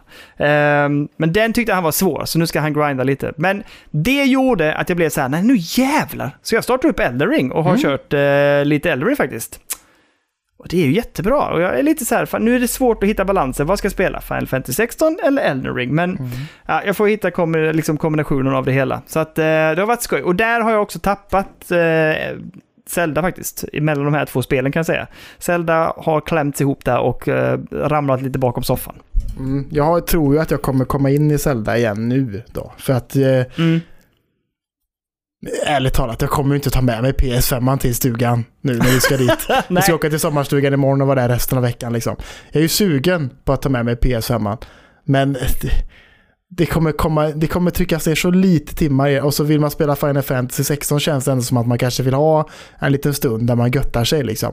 Medan Mm. Tears of the Kingdom kan man ju ändå plocka upp i doser, även om det är väldigt gött att spela i längre perioder. Så eh, jag tänker att det får bli, det får nog kanske bara bli switchen som följer med ändå. För jag, jag har inget som jag är superintresserad av att spela på, på decka heller liksom, just nu faktiskt. Nej, men det skulle ju vara om du plockade i, men det vet jag, det funkar ju inte. Men alltså typ så här, man spelar färdigt Bulletstorm eller någonting. Ja, jag Ehm, vet. Det kan man ju kanske göra då, men det är ju så jävla mäckigt. Eller att du laddar ner och kör Dredge. Ja, men eh, då fortsätter jag hellre med att jag försöker rulla eftertexter i någonting och komma vidare i någonting. Så då får det nog bli Ja. Zelda Tears of the Kingdom ändå. Men jag tror det blir jättebra. Det är bra sommarspel. Men Det eh, vet du vad? Vi ska inte bara prata gamla spel, vi ska prata nytt också. Därför Ja. att vi fick ju, och som vi nämnde i förra veckan, så fick vi ju spelet Aliens Dark Descent.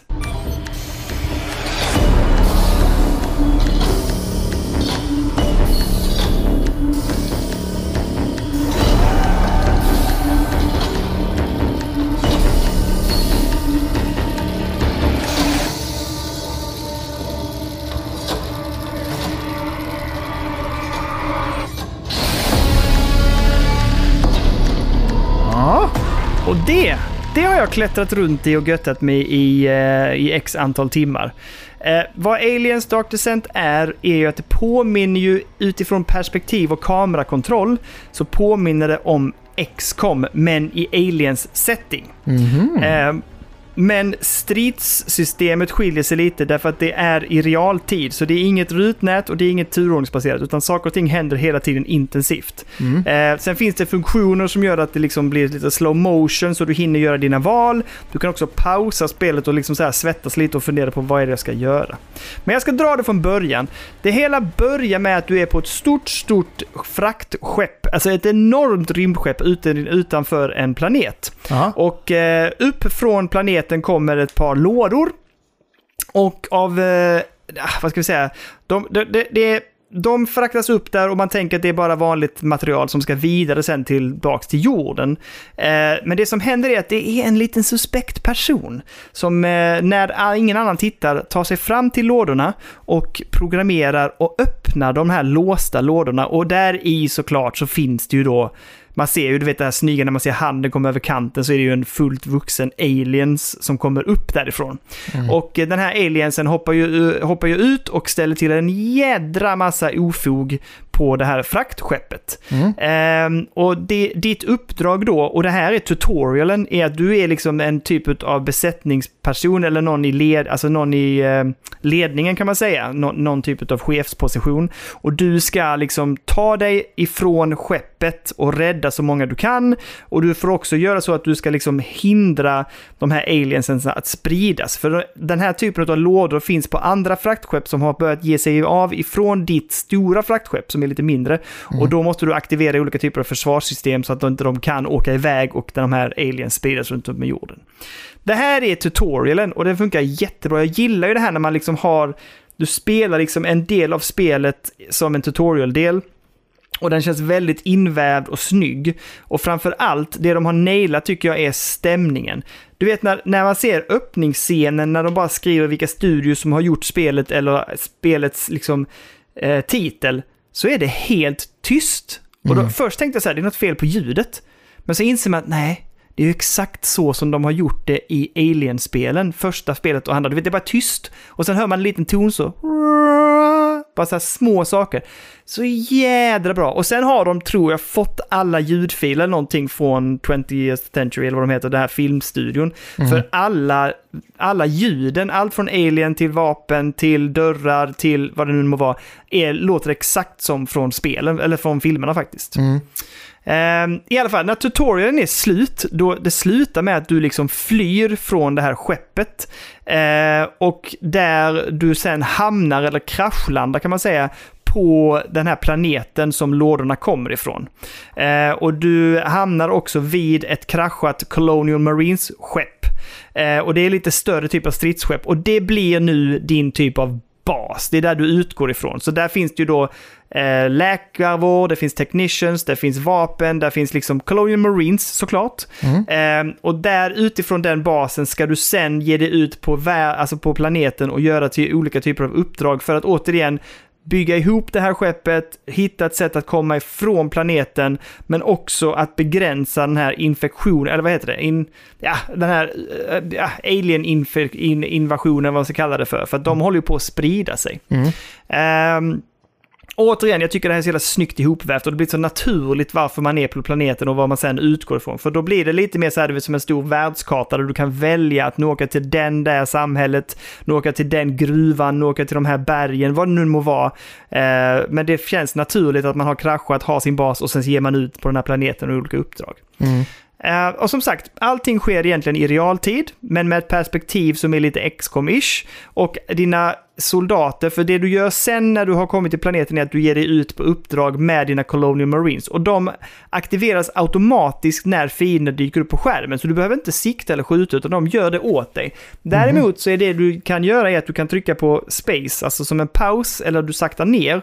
Och där kan du välja liksom specialförmågor. Och du har bara tre stycken liksom specialförmågor att du kan aktivera samtidigt. Och sen så är de på noll. Och sen är det liksom som en cooldown-period när de här poängen laddas upp igen och då kan du aktivera igen specialförmågor. Det kan vara allt från sådana här eh, turret guns, det kan vara närstridsvapen, alltså pumphager till exempel, det kan vara att kasta granat och sånt. Men du har bara tre sådana poäng initialt att använda, så det gäller att du är taktisk när du använder de här specialattackerna så att säga.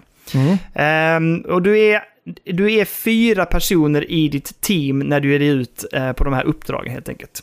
Eh, en annan sak som jag också uppskattar är att de använder ju den här från, för det här är ju liksom taget från Aliens-filmen och då har de också den här grymma jäkla bilen som de åker i. Och den har du med dig, det är den som, den, du flyger in till de olika platserna med de här coola helikopteraktiga liksom rymdskeppen och så släpper de ner den här bilen och så åker du med bilen, du kan styra den till olika bestämda platser och sen hoppar du ut därifrån. Så det är liksom som en minibas på varje uppdrag. Du kan ta dig in och ut ur den bilen och den kan hjälpa dig att färdas över lite längre sträckor eh, i de här uppdragen du får. Ehm, det finns ett element av stealth i det här spelet också, för du, du, du ska ju försöka undvika konfrontation, för aliens är jäkligt... De är väldigt utmanande och det här ska jag säga direkt, det är ett svårt spel. Eh, Det kräver att man är engagerad och, och strategisk. Så att du kan smyga och du kan gömma dig och om du är tyst och gömmer dig eller du till exempel använder eh, en, eh, alltså du kan ju använda, vad heter det, eh, torch eller weld. Alltså du kan ju svetsa, svetsa igen dörrar och sånt för att gömma dig under perioder så Jaha. att du undviker aliens. Och det finns en typ av mätare uppe till höger på skärmen där du mäter när, hur, hur mycket upptäckt du är och eh, också hur nära du är att aktivera liksom själva hiven, alltså själva liksom samlingen utav aliens. Så om du, kör, om du för för mycket oväsen, du spränger för mycket, kastar för mycket handgranater och sånt, då kommer alla aliens i området att veta att du är där och då börjar de jaga dig och då är det jädrigt hetsigt och då gäller det att snabbt ta sig tillbaka till den här bilen och fly snabbt så in i helsike. För det, du överlever inte när det kommer så mot dig. Det är nästan Nej. som en wave, en zombie-wave på något sätt liksom. Mm, jag ser att det står det Alien Aggressiveness står det uppe liksom. Ja, precis. Och den kan man försöka hålla så långt ner som möjligt. Och då kan du också göra så att om, du, om den är högt uppe så kan du springa och gömma dig och försöka få den. Så går den ner efterhand och när den är på noll då kan du börja smyga runt igen. Liksom. Mm. Eh, och sen handlar det lite grann som i XCOM också, att du ska liksom hantera resurser, eh, du ska hantera liv på de olika. När dina marines är på uppdrag och de blir skadade, då blir de skadade eller helt permanent döda. Och när du, om du tar med dem tillbaks skadade eller de får en viss skada på sig så tar det tid för dem innan de är, är tillbaka till full strength igen, utan då får de ligga på sjukhuset och så här. Så det gäller liksom att fundera på vad som är risk and reward. Hur mycket ska du riskera? Hur många marines har du till ditt förfogande? Eh, har du tio stycken marines och en dör så blir det ju såklart som ni alltså, ja, ju fler som dör desto svårare blir ditt urval och hur ska du sätta ihop din grupp. Mm. Eh, så det gäller att hushålla lite grann med resurser och eh, använda liksom medpacks under banans gång etc. Men det som jag gillar är att på varje uppdrag så finns det liksom en massa olika objectives. Och om det skulle vara så att du märker att oh jäklar, nu tog tre av mina soldater och tagit jättemycket skada, det här kommer bli svårt att fullfölja. Ja, men då avbryter man uppdraget då. Då går man tillbaks till bilen, flyr tillbaks till sin bas och slickar såren. Sen åker man tillbaks till uppdraget, men då är alla de uppdragen redan, alltså det du redan har gjort är redan gjort. Så du behöver inte göra om någonting, utan då fortsätter du på dina olika objectives. Mm. Och ibland, till exempel i XCOM och sånt, så var det som att om du övergav ett uppdrag så fick du göra om allting igen. Och det här tycker jag är mycket smidigare på det här sättet, för du har ju redan varit och hämtat den här personen, du har redan varit och hämtat de materialen där, du har redan varit och aktiverat den hissen. Det behöver man inte göra igen och det, det bygger den vidare på, vilket gör att det faktiskt funkar väldigt bra. Mm. Eh, de, ett sista element som jag ska ta upp innan vi pratar lite grann om bara så här gameplay och hur det funkar och grafik och sånt. Men de har också lagt in ifrån Darkest Dungeon där vi har det här med att man blir galen och att man blir väldigt stressad och att stress påverkar karaktärerna. Även det elementet har de lagt in här så att du blir liksom mer och mer psykiskt stressad och påverkad av att bli anfallen och skadad och, och beroende på hur mycket aliens som attackerar dig. Så här. Och ju mer stressade eller eh, oroliga de blir, desto mer blir de lite lynniga i sitt sätt att, äh, att attackera, de kanske flyr, de kanske liksom inte medverkar i striden, de kanske blir paralyserade så de inte skjuter istället. Så, här. så det gäller också att hantera deras stressnivåer så att inte de liksom blir för oroliga. Och det kan man också ta i beaktning och tänka så här, nu får vi gå tillbaka. Här, det, tre av dem är jättestressade och kommer vara helt irrationella i sina strider. Ja, det är inte värt att gå vidare, då får man åka tillbaka och liksom lägga in dem på psyket så får de lugna ner sig lite. ja, okay. äh, och sen kan de åka ut på strid en annan gång. Eh, funkar okej, okay. det är inte helt så eh, optimerat som i Darkest Dungeon ska jag säga, men, men det, det ger ändå ett visst element som jag tycker är intressant. Mm. Eh, grafiskt sett är det inte jättesnyggt. Alltså det är ju ganska enkel grafik. Men jag tycker ändå att det funkar för den typen av spel det är och den typen av gameplay. Men det är inte jättesnygga cutscenes och det är inte jättesnygg grafik i spelet heller. Men, men jag det tycker funkar. ändå det, det känns ser lite, lite nice ut med när liksom ficklamporna kommer in i ett rum, liksom, hur de funkar. Ja. Liksom. Det tycker jag ändå ser lite mysigt ut när jag kollat gameplay. Jo, men det, och det gör det, för de har ju små lampor på sig, så du lyser upp en liten del runt omkring. Men du har också ficklampor som du måste hålla inne i ena knappen. Eh, Jag spelar detta med mus, mus och tangentbord, ska sägas. Mm. Och eh, då styr du liksom kameran med eh, WASD. Sen riktar du runt med musen och sen så trycker du den ena knappen, siktar du, rör du dig gubbarna framåt, jag tror det är högerknappen, och vänster är ficklampan och den kan du hålla inne så lyser du med ficklampan runt omkring Mm. dig. Det ger ju en jätte, jättehärlig känsla till spelet och det gör också att det sätter stämningen, för återigen, stämningen är grym i det här spelet. Mm. Ehm, men, men ficklamporna gör inte så stor mening egentligen, för du har ju en motion tracker så du ser ju vad alla aliens är när de dyker upp och så här. Mm. Ja, men ehm, och gameplayen är... Men den är bra, alltså det funkar. Jag ska säga så här, när jag, när jag började skriva om det här spelet så var jag inte helt blown away. Då hade jag spelat kanske en och en halv, två timmar. Jag var lite så här, äh, många kul element men de har inte riktigt fått till det. Men ju mer jag spelade, Mm. desto roligare har jag. Och jag tycker att de gör väldigt mycket skoj. Ehm, sen är jag lite orolig för hur stort det här spelet är och hur långt det är. Men eh, alltså jag tycker nog att det här är... Gillar man Aliens, den filmen, och gillar Aliens överhuvudtaget, och man gillar XCOM-ish och det här med eh, resurshantering, basbyggande, att göra utveckling, att, att samla resurser och utveckla nya vapen etc.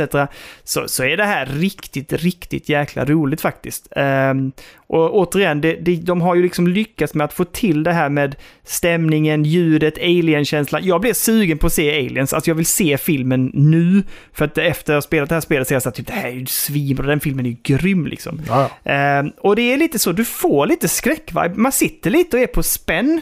Så här, vad är det som händer? Och när du är inne i ett rum och du har så här weldat, alltså du svetsat ihop dörrarna och aliens är utanför, det ser du på motion tracken och så helt plötsligt bara hör man så boom och de börjar slå på dörren och sånt. Det, det är nerv och lite stress, för man vet ju det. Tar de sig igenom den dörren eller in genom ett galler eller någonting som det finns också att de kan göra, komma igenom ventilationen, Mm. så är det jävligt stressigt om man är inne liksom cornered i ett litet rum och ska försöka med sina fyra små marines liksom slå emot den här horden. Och självklart är det ju så. Det är inte, de, de sparar inte på krutet heller, så ganska tidigt i spelet får man ju möta en eh, Queen också. Den Mhm. var ju mäktig när den dundrade in genom en stor lilla dörr och man fick strida mot Queen liksom.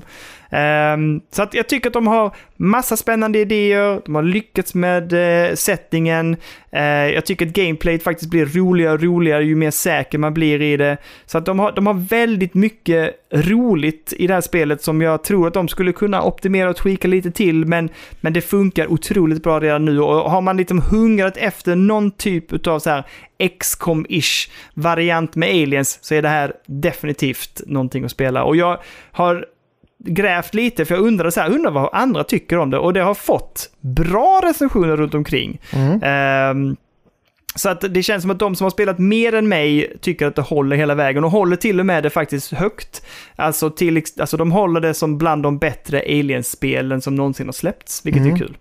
Så att eh, är ni sugna, ni tycker om den här typen av spel, vilket jag gör ju, eh, absolut stark rekommendation, superkul, det var väldigt otippat. Det här trodde jag absolut inte och jag trodde inte att jag skulle vara sugen på att fortsätta spela det, men det är jag. Igår fastnade jag helt, satt och skulle, jag sa så här, jag måste gå och lägga mig vid 11, slutade med att jag satt till 21 liksom. ja, det är klart att du gjorde det. Ja, Men det, Ja, det verkar som att, eh, att hålla hela vägen verkar ju vara ungefär 10 timmar. Så det är ju ganska lagom kanske. har- är det så? Mm. Main story verkar vara 9,5 står det på How long to beat i alla fall. Men jag har varit intresserad av att veta Riktigt hur... bra. För det finns ju till eh, Playstation och Xbox också. Så det har varit kul att veta Mm. hur det funkar liksom med handkontroll för att, och om det är ett göttigt eh, deckarspel eller hur det ser ut på den fronten. Det kanske inte är så gött att spela med, med handkontroll men man kanske, man kanske borde ta med däckar nu ändå då, till sommarstugan och eh, installera Aliens Dark Descent på den och se hur det, hur det, Men- hur det, hur det ter sig. Liksom. Alltså jag tänker mig att det kan funka för att det är ju lite mer likt, eftersom det är realtid och du snurrar runt och rör dig hela tiden så, så kan du ju spela det som att det vore en Twin Stick Shooter-aktig grej egentligen med Mhm. bumpersen och triggersen som pausknappar eller ficklampa så här. Det, jag, alltså det skulle kunna funka faktiskt med handkontroll. Mm. Det, det borde jag ju såklart ha testat, men jag gjorde inte det. Det var så gött att spela med mus och tangentbord. Ja. Ehm, men, ja, men prova. Jag, jag måste säga att jag tycker att det, jag är, jag är faktiskt överraskad över hur roligt det är. Och nej, jag, jag är sugen på att fortsätta. Det var jättekul. Tycker det såg skitkul ut när jag kollade recensionen som jag hade- på sidan på, på YouTube. Jag tycker Mm. det såg riktigt eh, nice ut. Och det, det är ju gött med att de ändå de har hittat ett sätt hur de lyckas naila liksom aliens-estetiken. Liksom. Det, det var första gången de nailade det var ju med aliens, vad heter det som du tycker om så jävla mycket? Alien vs Predator. Nej, det är spelet där man... eh, Jaha, Alien Isolation. Ja, precis. Då, det hade de ju nailat det så Ah. jävla hört. Men och efter det så känns det som att de har nailat det på alla Alien-spel som faktiskt har släppts typ. Mm. Så att det... Jag tycker ju... Mm. Det kom väl något spel som hette, här, som hette väl typ Aliens Colonial Marines som var så där om jag minns rätt. Ja, det var inte jättehyllat tror jag inte. Nej. Men jag tycker ju, annars så tycker jag ju, jag är ju väldigt förtjust i Alien vs Predator-spelen, både ett och två, men de är ju gamla nu. De är gamla. Men Alien Isolation är ju riktigt, riktigt bra. Men det är ju det är någonting helt annat än vad det här är. Det här är ju mer ett typ av strategiskt actionspel. Liksom, Mm. så att, eh, men med resurshantering också, som jag tycker funkar bra, smidigt. Så Ja, att, jag blir eh, sugen. Ja, Jag blir sugen. ja. Tycker jag absolut ska ta med. Och det, det är vad vi har lirat den här veckan helt enkelt. Då säger vi väl att det var ett avsnitt och så drar vi igenom den härliga treenigheten som är Ge oss cash på patreon.com spelberoende så kan ni vara med och stötta den här podden. Och att vi eh, inte behöver punga ut allt för mycket pengar ur egen ficka när, när det är någonting som vi behöver införskaffa. Om det är ett spel eller om det är någon annan teknisk utrustning som behövs för att podden ska fungera så bra som den gör. Då kan vi ta det via Patreon och så kan ni må bra av att ni stöttar en av Sveriges absolut högst rankade spelpoddar som finns där ute. Och eh, ger man 10 eller 15 första månaden i eh, euro får man en fin fin t-shirt skickat till sig på posten i valfri storlek. Eh, man kan gå in i länken som är i varje avsnitt som leder till Discord-servern som är den trevligaste servern som finns på Discord faktiskt. Absolut! Det är ju så. Det är den högst rankade podden, nästan, nej det är vi inte, men nästan. Och sen så är det den finaste Discord-servern som finns. Och sen utöver det så vill vi ju också ha recensioner fortsatt på Spotify. För nu är vi på avsnitt, det här är avsnitt 203 och vi är uppe i 208 recensioner. Så att det, det börjar komma ikapp med avsnitt här nu och det får, vi får inte gå över avsnittsantal än recensionsantal. Så är det Nej. faktiskt. Så in och ge fem stjärnor så blir vi supernöjda. Tack Daniel för den här veckan! Ja men tusen tack och jag säger tack så jättemycket alla ni som lyssnar och ta hand om er där ute i värmen och glöm inte att dricka och glöm inte att spela. Och njut av sommaren allihopa och eh, Kalle, tack så jättemycket för idag. Bra inklämt här nu när du var, ja, du, ni var ett dygn hemma, sen ska ni iväg igen. Eh, så stort tack att du hade möjlighet att klämma in en pödd här. Och eh, ha det nu riktigt gött allihopa, ha det riktigt gött Kalle. Ja. Och så, eh, vi hörs ju, eh, vi får se när det blir nästa vecka, vi får prata om det sen. När blir avsnittet? Men det blir Ja. någon gång. Eh, för Pödda ska ut! Jag funderar nästan på att göra en specialare faktiskt. Jag har, jag har en idé Mhm. Okej. om poddavsnitt som jag funderat på, men då får det bli ett... eh, Ja, man kan ju göra det tillsammans, men det handlar ju väldigt mycket om min uppväxt, så att säga. Mhm, okej. Så att, eh, jag vet inte om man skulle klämma in ett sånt avsnitt ganska snart också. Jag, jag ska finura lite på konceptet lite mer, så får vi se om det blir av eller inte. Men det är ett lite roligt koncept tycker jag ändå. Och jag tänker att jag ska släppa tanken på ett eh, specialare Stephen King, eftersom vi gjorde ju typ det idag. Ja, det var ju trevligt tycker jag. Ja, Lite instick av Ehm. Stephen King special nästan. Ja, jädrar alltså. Ja, det var trevligt. Jag blev Ja. peppad på att läsa Stephen King nu. Förstår. Men, eh, ja, men vi, vi får se. Poddar kommer, ni kan vara lugna. Det finns ingen ro och rest, rast här Nej, det är i, ingen i jävla Puddpojkarna. sommaruppehåll i spelberoende. Det har jag aldrig haft och kommer aldrig ha. flams. Det är en Nej, sak som är haft. Vi har inte jävligt haft ett enda uppehåll. Så att eh, ni, kan, eh, ni kan eh, lita på oss. Ni kan lita på oss! Yeah, yeah, yeah! Du kan lita på... Det kommer pudd i veckan. Men eh, ta hand om dig, Kalle. Mwah. Samma. Sov gott. Ta hand om er ute. Ja. Och eh, vi hörs i veckan. Och vi lämnar, levererar avsnitt nästa vecka. Puss på er allihopa! Oj, oj. Hej,